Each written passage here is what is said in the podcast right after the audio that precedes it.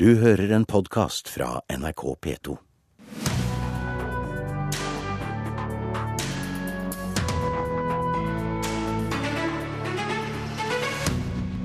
VIP-publikummet inntar norske musikkfestivaler. Feil festivalfokus, mener musikkanmelder. Hamsun-brev solgt for en halv million kroner på auksjon i går, men vi vet ikke hvem som kjøpte dem. Og Midtøstens svar på John Stewart gir seg. For farlig for Bassem Youssef å drive TV-satire i Egypt nå. Og så skal du få møte Margaret Olin, som har laget film sammen med Wim Wenders og Robert Redford. Du hører på Kulturnytt med Birger Kolsrud Aasund i studio. Stadig flere musikkfestivaler tilbyr publikum såkalte VIP-billetter. For en del hundrelapper ekstra får man tilgang til et eget område med finere toaletter, mer eksklusiv drikke og bedre plass. Negativ utvikling, mener musikkanmelder som tror dette kan skade festivalene på sikt. Hva koster det? 1235 kroner for, for ett dagspass VIP, inkludert etterfest. Hm, ja ja. Musikkanmelder og programleder Asbjørn Slettemark sitter på hjemmekontoret sitt og ser på billettprisene til ulike norske musikkfestivaler. Stadig flere av dem tilbyr nå såkalte VIP-billetter, i tillegg til ordinære billetter. Der det før var bransje og sponsorer som var forbeholdt slike områder, kan nå hvem som helst betale 500-600 kroner ekstra og få tilgang til et eget område med mindre kø, eksklusiv drikke og egne toaletter. Det er negativt at en får en sånn VIP-kultur på festivaler i Norge, for det tar fokus vekk fra det som um, festivaler skal handle om, som er uh, å sette god musikk på scenen og gi en fantastisk opplevelse til alle som betaler for å komme inn dørene.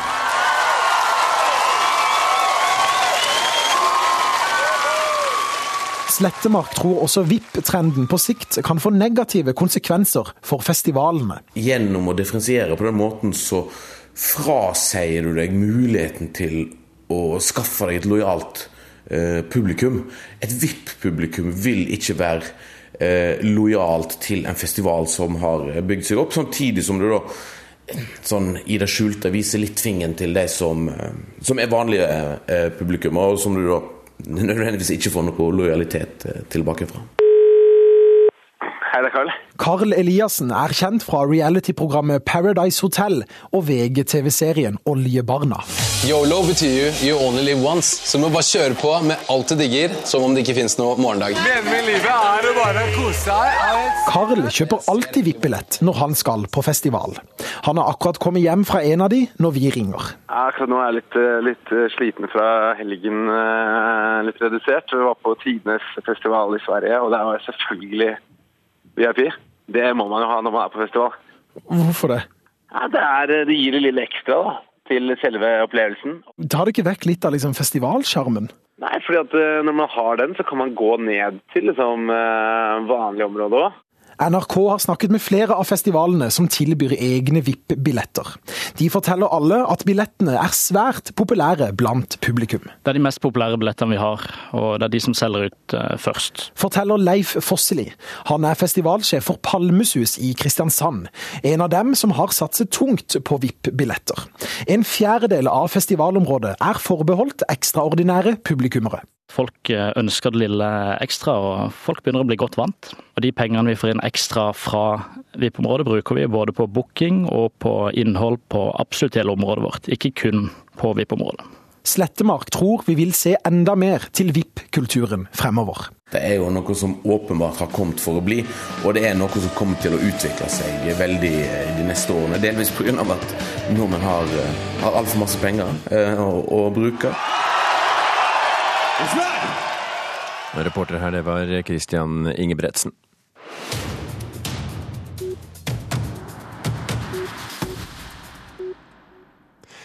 Amedia må slutte å registrere personnummeret til sine nettdebattanter. Det krever Datatilsynet. Lokalaviskonsernet har krevd identifisering med personnummer i fem år nå, men det er ifølge tilsynet klart brudd på personopplysningsloven. Amedia opplyser til Dagens Næringsliv at det nå blir slutt på praksisen. Søkemotorgiganten Google åpner i dag en norsk butikk for e-bøker, men det vil ikke være noen norske bøker til salgs. De store forlagene sier til Aftenposten at et samarbeid med Google er uaktuelt så lenge de tar halvparten av inntektene. Mindre forlag som Juritzen og Kagge samarbeider gjerne med Google, men så langt har ingen forlag inngått avtale om å selge norske e-bøker i den nye nettbokhandelen. I dag er det 25 år siden demokratibevegelsen i Kina brutalt ble slått ned på Den himmelske freds plass. Kinesiske myndigheter har forbudt alle former for markering av massakren i 1989, forteller NRKs Asia-korrespondent Anders Magnus. I Kina er det fullstendig lokk på dette. Det er ikke lov eh, å si noe om det, verken på gaten, i avisene eller i, eh, på internett. De som gjør det, blir arrestert. Det blir også utenlandske journalister som forsøker å intervjue folk om dette eh, i, de, siste, de, siste, månedene. Noen kolleger av meg har blitt eh, tatt inn av politiet og holdt eh, arrestert og avhørt i flere timer, og truet med at de vil bli kastet ut av Kina hvis de ikke sverger på at de aldri skal gjøre noe slikt igjen.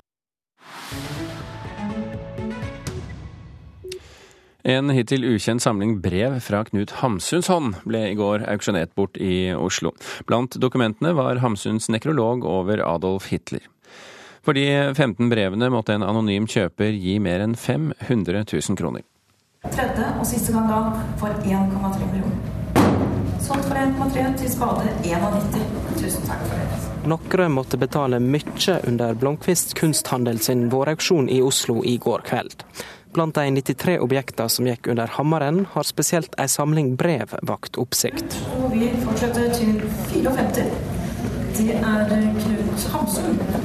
15 håndskrevne brev fra Knut Hamsun til sjefredaktør i Aftenposten under krigen, Doris Smith. Og spesielt interessant blant disse, nekrologen Hamsun skrev over Adolf Hitler. 420 000. 440 460. 460. 460 lån til forhåndsbud. 500. Prisen for breva steg raskt, og til slutt fikk en anonym kjøper tilslaget. 100 000 over prisantydning. Og budet er på 510 000 første gang, 510 andre gang og tredje og siste gang for 510 000 kroner. Det var en veldig høy pris, så det var uh, høyt, ja. Det var nok noen som var svært interessert i dette materialet. Det sier Bente Granrud, som er ansvarlig for håndskriftsamlinga ved Nasjonalbiblioteket.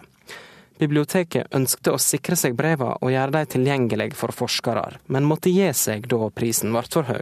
Det er jo alltid et ønske om å få tilslaget, sånn at vi får eh, materialet i offentlig eie. Eh, samtidig så vet vi jo at Hamsun-materialet går for svært høye priser på auksjoner rundt omkring. Det er leit. Det er et eh, tap for norsk kultur, og spesielt for norsk litteraturhistorie, at uh, kildematerialet forsvinner inn i, samlinger som ikke er eh, tilgjengelige for offentligheten, spesielt for forskere, og på Hamsun i dette tilfellet. Det sier Ibsen-ekspert Lars Frode Larsen om salet. Larsen tror den høye prisen først og fremst er å tilskrive Hitler-nekrologen. I teksten kaller Hamsun Hitler for en kriger for menneskeheten. Det er et dokument som ikke, sånt, eh, ikke minst det gjør at verdien av en slik denne samlingen har gått opp. Det andre materialet er eh, sikkert interessant det også, men jeg kan ikke konkurrere med et dokument i den eh, klassen der. Den anonyme kjøperen ønsker ikke å kommentere kjøpet overfor NRK.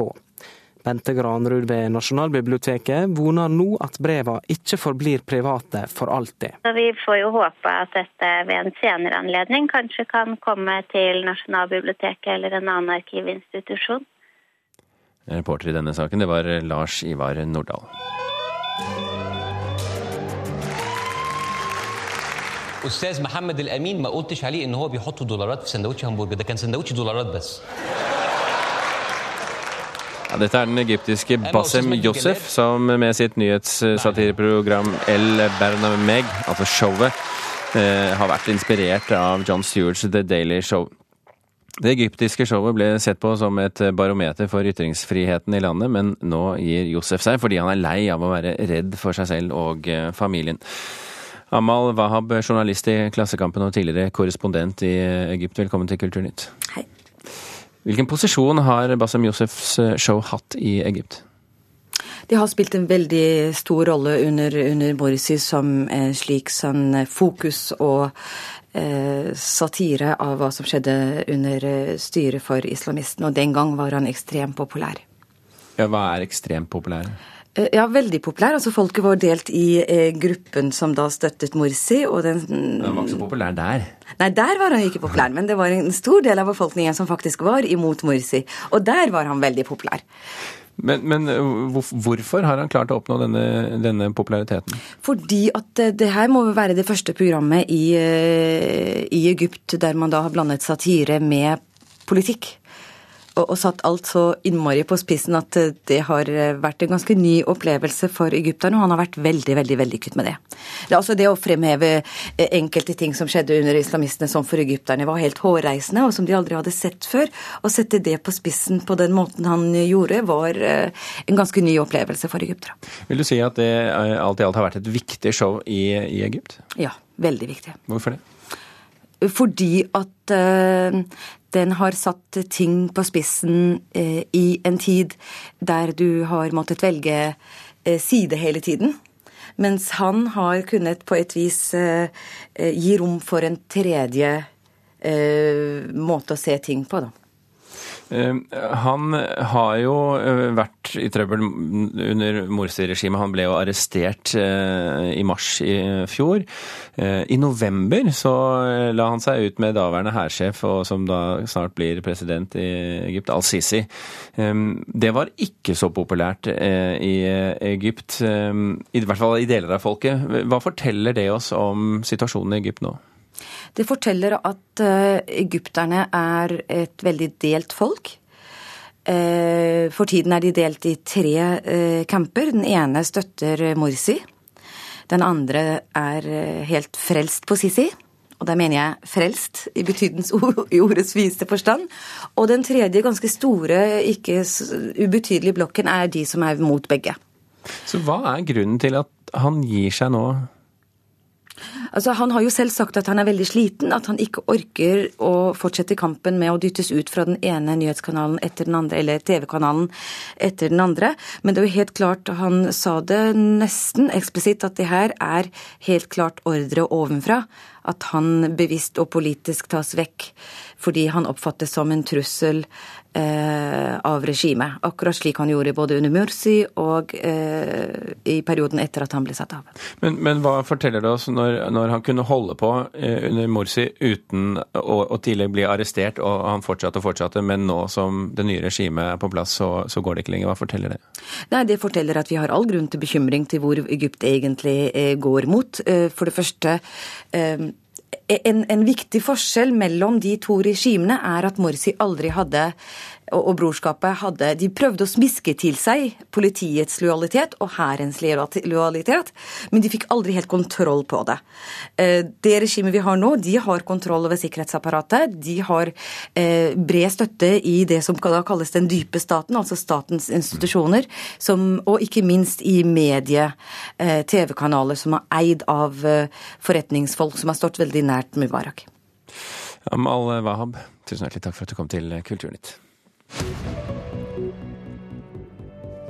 Klokken er 16,5 minutt over åtte. Du hører på Kulturnytt, og dette er eh, toppsakene i Dagsnytt nå. Oslo politidistrikt anmeldt for ulovlig bruk av politiarrest. Over 700 personer satt mer enn to døgn i politiarrest i fjor. Iranske doktorgradsstudenter nektes opphold i Norge. PST frykter de skal bidra til å lage atomvåpen. Og norsk lærerutdanning blir femårige fra 2017. Studentenes organisasjon er positiv til reformen.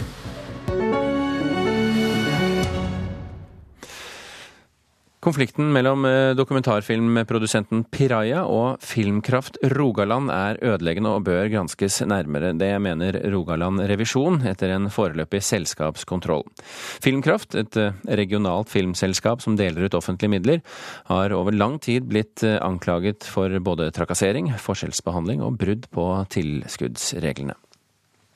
Det er en uenighet mellom selskapet og filmkraft. Sånn at jeg vil ikke si at det er ødeleggende. Vi ikke bruke så sterke ord. Sier styreleder i Filmkraft Rogaland, Ragnhild Åsmundsen. Men at den langvarige konflikten med dokumentarfilmselskapet Piraja er ødeleggende, mener derimot Rogaland Revisjon, som nå er i gang med en såkalt selskapskontroll av Filmkraft. I et brev til Filmkrafts største eier, Rogaland fylkeskommune, skriver revisjonsselskapet. I den gjennomgangen vi har hatt så langt, får vi fort et inntrykk av at den konfliktsituasjonen man har i dag, er ødeleggende for det oppdraget Filmkraft Rogaland har, og for det arbeid bransjen ønsker å utføre. Det er derfor et stort behov å få bearbeidet situasjonen på en slik måte at man kan komme videre. Filmkraft er et offentlig eid regionalt selskap som deler ut penger til utvikling og produksjon av film i Rogaland. Selskapet har i lang tid vært i konflikt med produksjonsselskapet Piraja i Stavanger.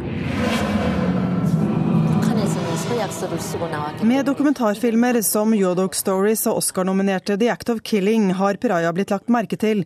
Samtidig kjemper selskapet mot det de mener er systematisk forskjellsbehandling, kameraderier og trakassering fra Filmkraft. Påstander som avvises av selskapet. Kulturdepartementet ga Piraya medhold i en klage som handlet om at Filmkraft innførte kriterier som ikke var kjent for søkerne på forhånd. En annen klage er fortsatt til behandling. Der hevder Piraya at spillefilmen 'Eventyrland', den danske TV-serien 'Forbrytelsen' og ytterligere en TV-serie har fått støtte de ikke har krav på. Samtidig pågår altså en såkalt selskapskontroll, og i brevet til fylkeskommunen anbefaler Rogaland Revisjon at konflikten granskes nærmere. De klagene og beskyldningene som er anført mot Filmkraft Rogaland, er etter vår vurdering av en slik karakter og alvorlighetsgrad at det er nødvendig å gå inn i disse. For så langt som mulig å få avvist eller verifisert påstandene. Rogaland Revisjon skriver at de trenger 400 ekstra timer for å gå inn i konflikten, og kontrollutvalget i fylkeskommunen får saken på bordet i morgen. Produsent i Piraya, Bjarte Mørner Tveit, håper politikerne takker ja til gransking situasjonen sånn som den er, med, med at tildelingene gjøres på, den, på det viset som, som er nå, det, det, er jo selvfølgelig helt ødeleggende for filmbransjen i, i regionen her. Så jeg, jeg er jo utgangspunktet veldig positiv til at man kan gå inn og se på realitetene, se på den dokumentasjonen som finnes, se på de tildelingene, se på den eh, konkurransevridende praksisen og se om man finner en vei, vei ut av dette til bransjens beste. Filmkraft Rogaland avviser alle påstander om forskjellsbehandling og mener de følger eh, gjeldende regler. Reporter i denne saken det var Anette Johansen Espeland. Og nå skal vi tilbake til eh, dette kuttet du hørte her. Vi holder oss i filmens verden, nemlig. I am a house, but even so, you treat me as something more, like a cathedral, your white cathedral. Ja, dette er lyd fra dokumentarfilmen 'Cathedrals of Culture', som har premiere på fredag. Én film bestående av fire små dokumentarfilmer om viktige kulturbygg. Den amerikanske regissøren og produsenten Wim Wenders har laget en film om Berlin-filharmonikernes hus. Den danske regissøren Michael Madsen har laget film om Halden fengsel. Hollywood-legenden Robert Redford om Salk Institute og om Operahuset i Oslo er det, som du kunne høre av dette klippet her, Margaret Olin som har laget filmen. Velkommen til oss, Olin. Takk. Først av alt, hvordan kom det seg til at du laget film i lag med Wenders og Redford? Jeg har blitt forespurt. Det er eh, Wim Wenders sitt konsept. Eh, har bygninger sjel hvis hus eh, kunne snakke, hva vil de fortelle oss? Og at dette skulle da gjøres i 3D. Hans tyske produsent Noy Road Movies, som da kontakta meg og lurte på om jeg ville være en av disse seks regissørene. Hvor lenge måtte du tenke? Um, Nei, jeg hadde noen, noen dager på meg, men jeg var den siste regissøren som kom om bord. Så jeg hadde knappe to måneder til forarbeid og fem dager innspilling. Så det var å kaste seg litt ut på dypt vann. Mm. Jeg har aldri jobba i 3D før, blant annet. Nei, vi kommer tilbake til det. Eh, da du skulle gå løs på denne oppgaven om å filme operaen, eh, hvordan, hvordan grep du det an? Jeg gjorde nok sånn som jeg alltid gjør, at eh, jeg går inn i et miljø som da er dette huset. Er en observatør, eh, snakker med folk som jobber der. Det er jo 600 mennesker som er daglig på operaen og utøver sitt yrke i mange ulike profesjoner. Jeg tok også kontakt med Snøhetta og gjorde blant annet et, eh, hadde en samtale med, med Kjetil Thorsen. Eh, hvilke tanker hadde de, metodikk, hvordan hadde de jobba, hvordan dette praktfulle huset hadde tatt sin form. Men var, men var, det fristende å lage filmen om selve arkitekturen, som jo i dette tilfellet er ganske dominerende? Nei, jeg tenker at jeg har laga den filmen som jeg måtte lage. I forhold til Wim Wenders konsept, så, og det å gi en bygning en stemme hvis hus kunne snakke, hva vil de fortelle oss? Jeg har tenkt sånn at når jeg reiser rundt i verden, så besøker jeg byer, steder, bygninger som jeg bærer med meg, som minner. Som er noe av det som utgjør mitt liv, på en måte. Og så tenker jeg at det er jo utrolig fint å tenke at de stedene vi drar til, også bærer minner om oss. Og sånn sett så fant jeg på en måte formen i filmen at eh, jeg skulle løfte ut noen øyeblikk i de fem dagene jeg er i operaen og la det bli husets minnebank. Eh, og det gjør jo også ved at jeg fryser noen bilder og lar de gå over i sort-hvitt. Du nevnte det. Eh, den er altså skutt i 3D. Hvilke, hvilke, muligheter åpner seg for en som skal filme et bygg i 3D? Eh, å jobbe i 3D var magisk. Jeg har aldri sett for meg at jeg skulle jobbe i 3D. Men vi hadde kort tid, så det var jo å prøve å utforske hva 3D kan gi, som ikke er effektmakeri, sånn som vi er vant med å se 3D, og noen opplever det invaderende og støtende, nesten. Men bruke 3D på en annen måte, jobbe med 3D, hva kan det gi emosjonelt? Det som er fantastisk med 3D, er jo at det skaper en umiddelbar tilstedeværelse. Eh, det er en annen måte å oppleve film på. Mens 2D blir mer en avbildning, så er du, er du der i situasjonen i 3D. Og for meg som filmforteller, det å liksom rå over en viss verktøykasse, så var det som å få uten, utlevert et nytt verktøy og, og, begynne å jobbe med det. Jeg syns det var helt uh, fantastisk. Etter andre opptaksdagen så satt vi og så gjennom materialet vi hadde skutt på kvelden. Og jeg og fotografen og min co-manusforfatter Bjørn Olav Johannessen ser på hverandre og, og liksom kan vi noen gang gå tilbake? Kan vi gjøre film i 2D? Hva, hva betyr operabygget for deg nå, som du har gransket det så nøye? Um, nei, jeg tror at jeg i likhet med mange av byens innbyggere er veldig stolt av det huset. Det er et fantastisk bygg. Eh, og det som Thorsen fortalte meg, var at de hadde prøvd å speile sosialdemokratiets verdier. Og vår fremste verdi i det norske samfunnet er kanskje likhet. Og at de hadde skapt et bygg hvor innsiden og utsiden har like vekt. At det er ikke bare de som kommer for å oppleve opera og ballett som går dit, men alle er velkommen og benytter dette huset, som da har blitt Norges turistattraksjon nummer én. Eh, og vi, tar jo med Margrethe Olin eh, at eh, Halden fengsel er jo også en del av dette her. Det er altså Michael Madsen som har, har filmet den. 'Cathedrals of Culture' er altså bestående av fire filmer og har premiere fredag og vises da på kino i Oslo, Fredrikstad, Trondheim, Stavanger, Bergen og Lillehammer. Hamar, Tromsø, Tønsberg og Samvika. Så det er ganske bred, bred visningsrunde. Margrethe Olin, tusen hjertelig takk for at du kom til Kulturnytt. Takk.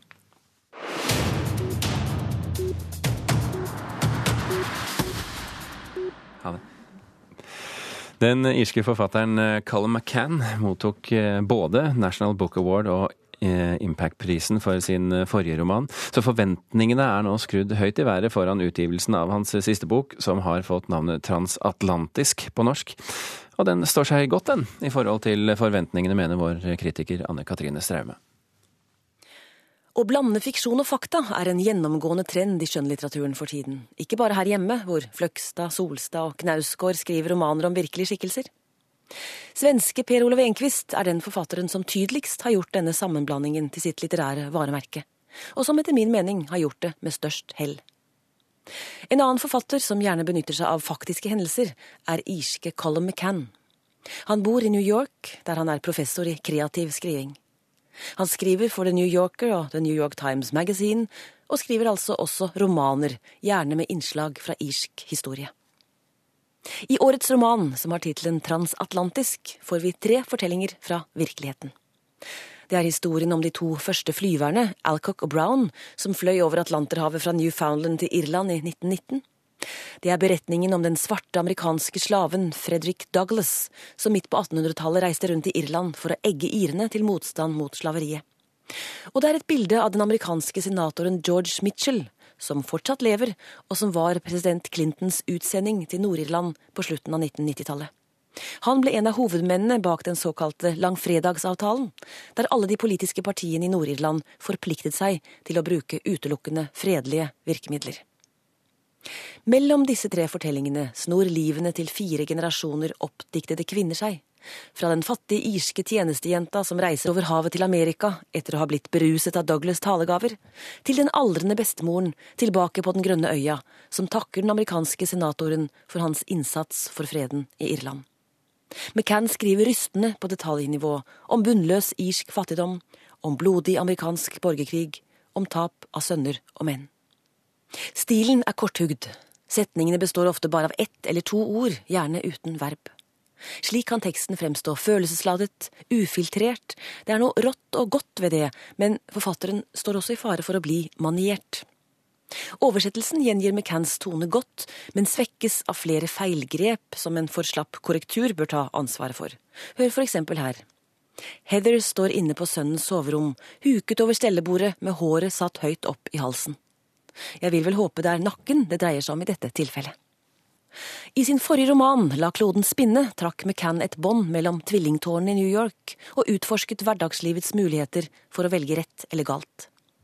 I Transatlantisk går båndet mellom Irland og USA, og også denne gangen er det de vanlige menneskene, like mye som de berømte, som holder verden oppe. Det er båndene mellom folk, mellom nasjoner og århundrer forfatteren vil vise. Uten å forsere sammenhengene skriver Colin McCann frem en større fortelling som tross nød, sult og krig inngir håp om forsoning.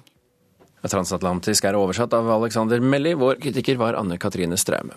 Og så tar vi med på tampen at Bastion forlag har invitert bloggere til konkurranse om å skrive den beste anmeldelsen av boken New York-bekjennelser. Forkastelig markedsføringsstrategi, sier Henrik Keiser Pedersen i Kritikerlaget til Vårt Land. Han tviler på at en anmeldelse med negativ omtale av boken vil gå av med seieren. Kulturnytt runder nå av. Beate Haugtrø, Vidar Sem og Birger Kolsrud Aasund takker for følget så langt. Nå fortsetter Øystein Heggen med nyheter fra inn- og utland. Du har hørt en podkast fra NRK P2.